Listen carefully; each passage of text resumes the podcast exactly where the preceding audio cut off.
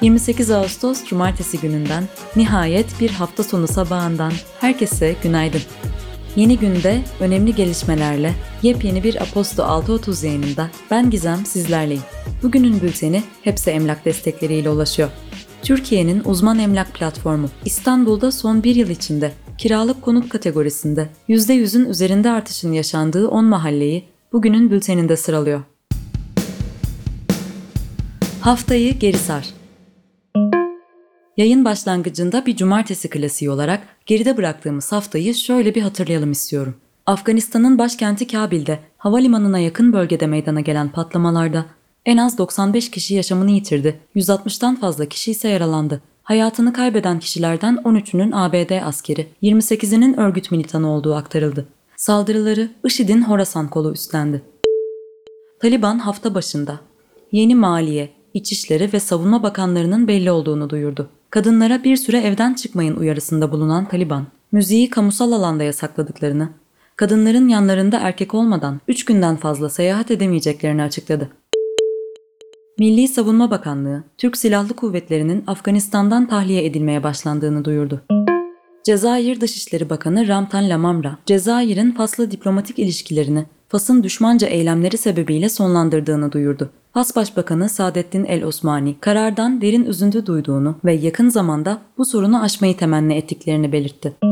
Boğaziçi Üniversitesi'ne rektör olarak atanan Profesör Doktor Naci İnci, öğrencilere yönelik disiplin soruşturmalarının iptal edileceğini açıkladı.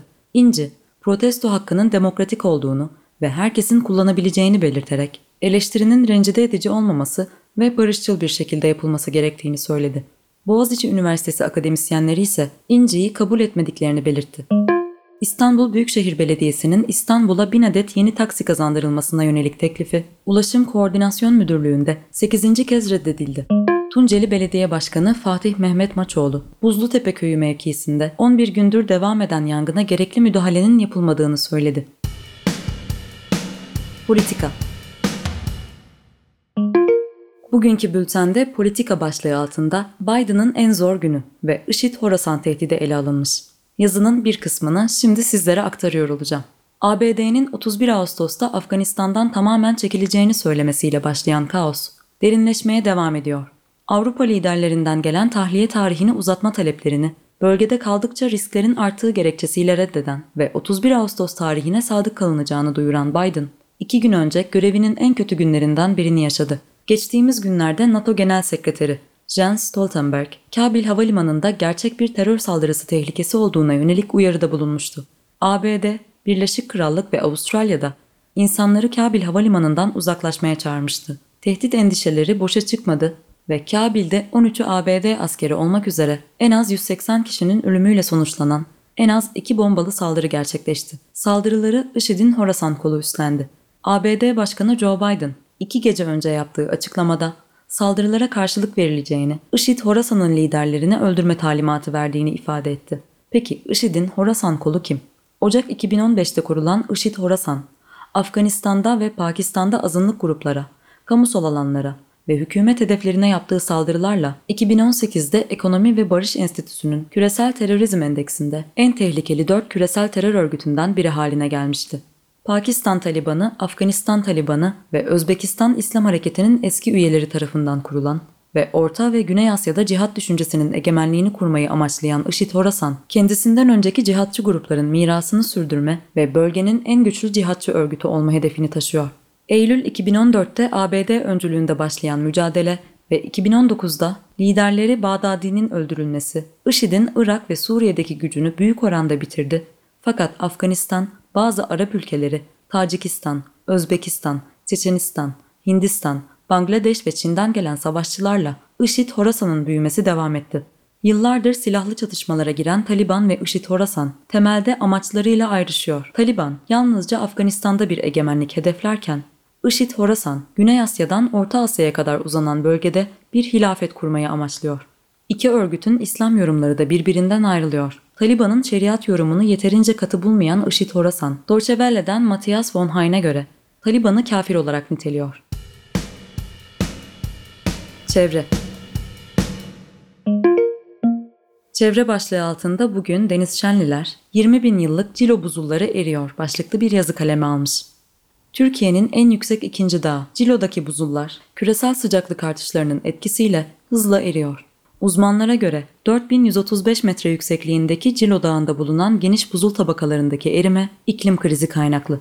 Van 100. Yıl Üniversitesi öğretim üyesi, yardımcı doçent doktor Onur Şatır, son 30 yıllık süreçte yapılan araştırmalarda Cilo buzullarının %48'inin eridiğini söylüyor. Cilo Dağcılık ve Doğa Sporları Kulübü Başkanı Hacı Tansu'ya göre de 1984 yılından bu yana çekilmiş fotoğraf ve görüntülerde değişim gözle görülebiliyor. Cilo ve Kaçkar buzulları bölgedeki yaban hayatı ve doğal ekosistem için bir ev konumunda. Buzulların erimesi, bölgede yaşayan hayvanların ve endemik bitkilerin yok olma tehlikesiyle karşılaşması anlamına geliyor. Gastronomi Yunanistan'ın aldığı yeni karara göre COVID-19 aşısı olmayan kişiler PCR testi yaptırsalar bile restoran, kafe ve barların kapalı alanlarına giremiyor. Uygulama 13 Eylül'de başlayacak.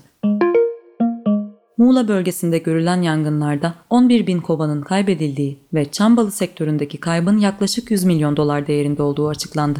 Türkiye Arı Yetiştiricileri Merkez Birliği Başkanı Ziya Şahin, konuyla ilgili bakanlığımızca acil olarak çambalı üretimine uygun basra olabilecek alanlar belirlenmeli. Bu alanlar 3 yıllık plantasyon programına alınarak ülke arıcılarının kullanımına sunulmalı dedi.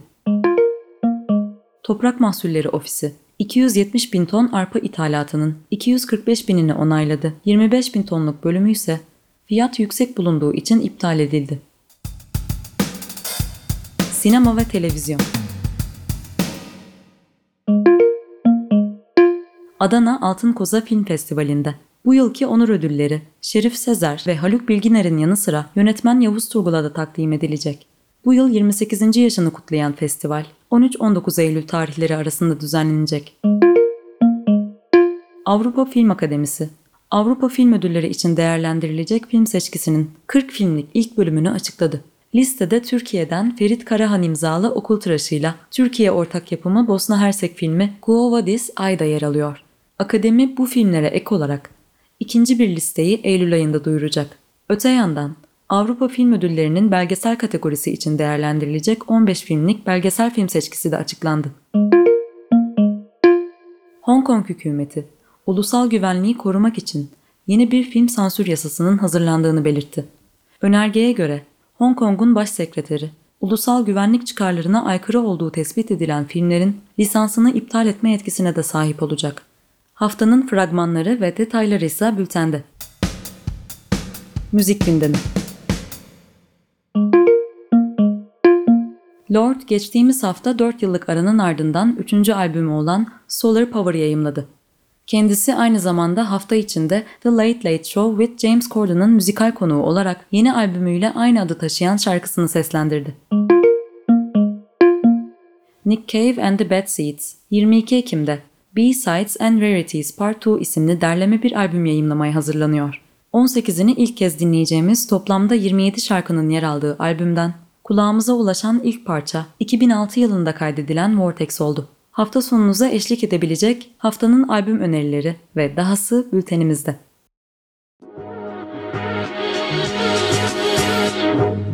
...28 Ağustos Cumartesi gününde Aposto 6.30 yayınında ben Gizem sizlerleydim. Bugünlük de yayının sonuna geldik. Veda ederken hepinize mutlu hafta sonları diliyorum.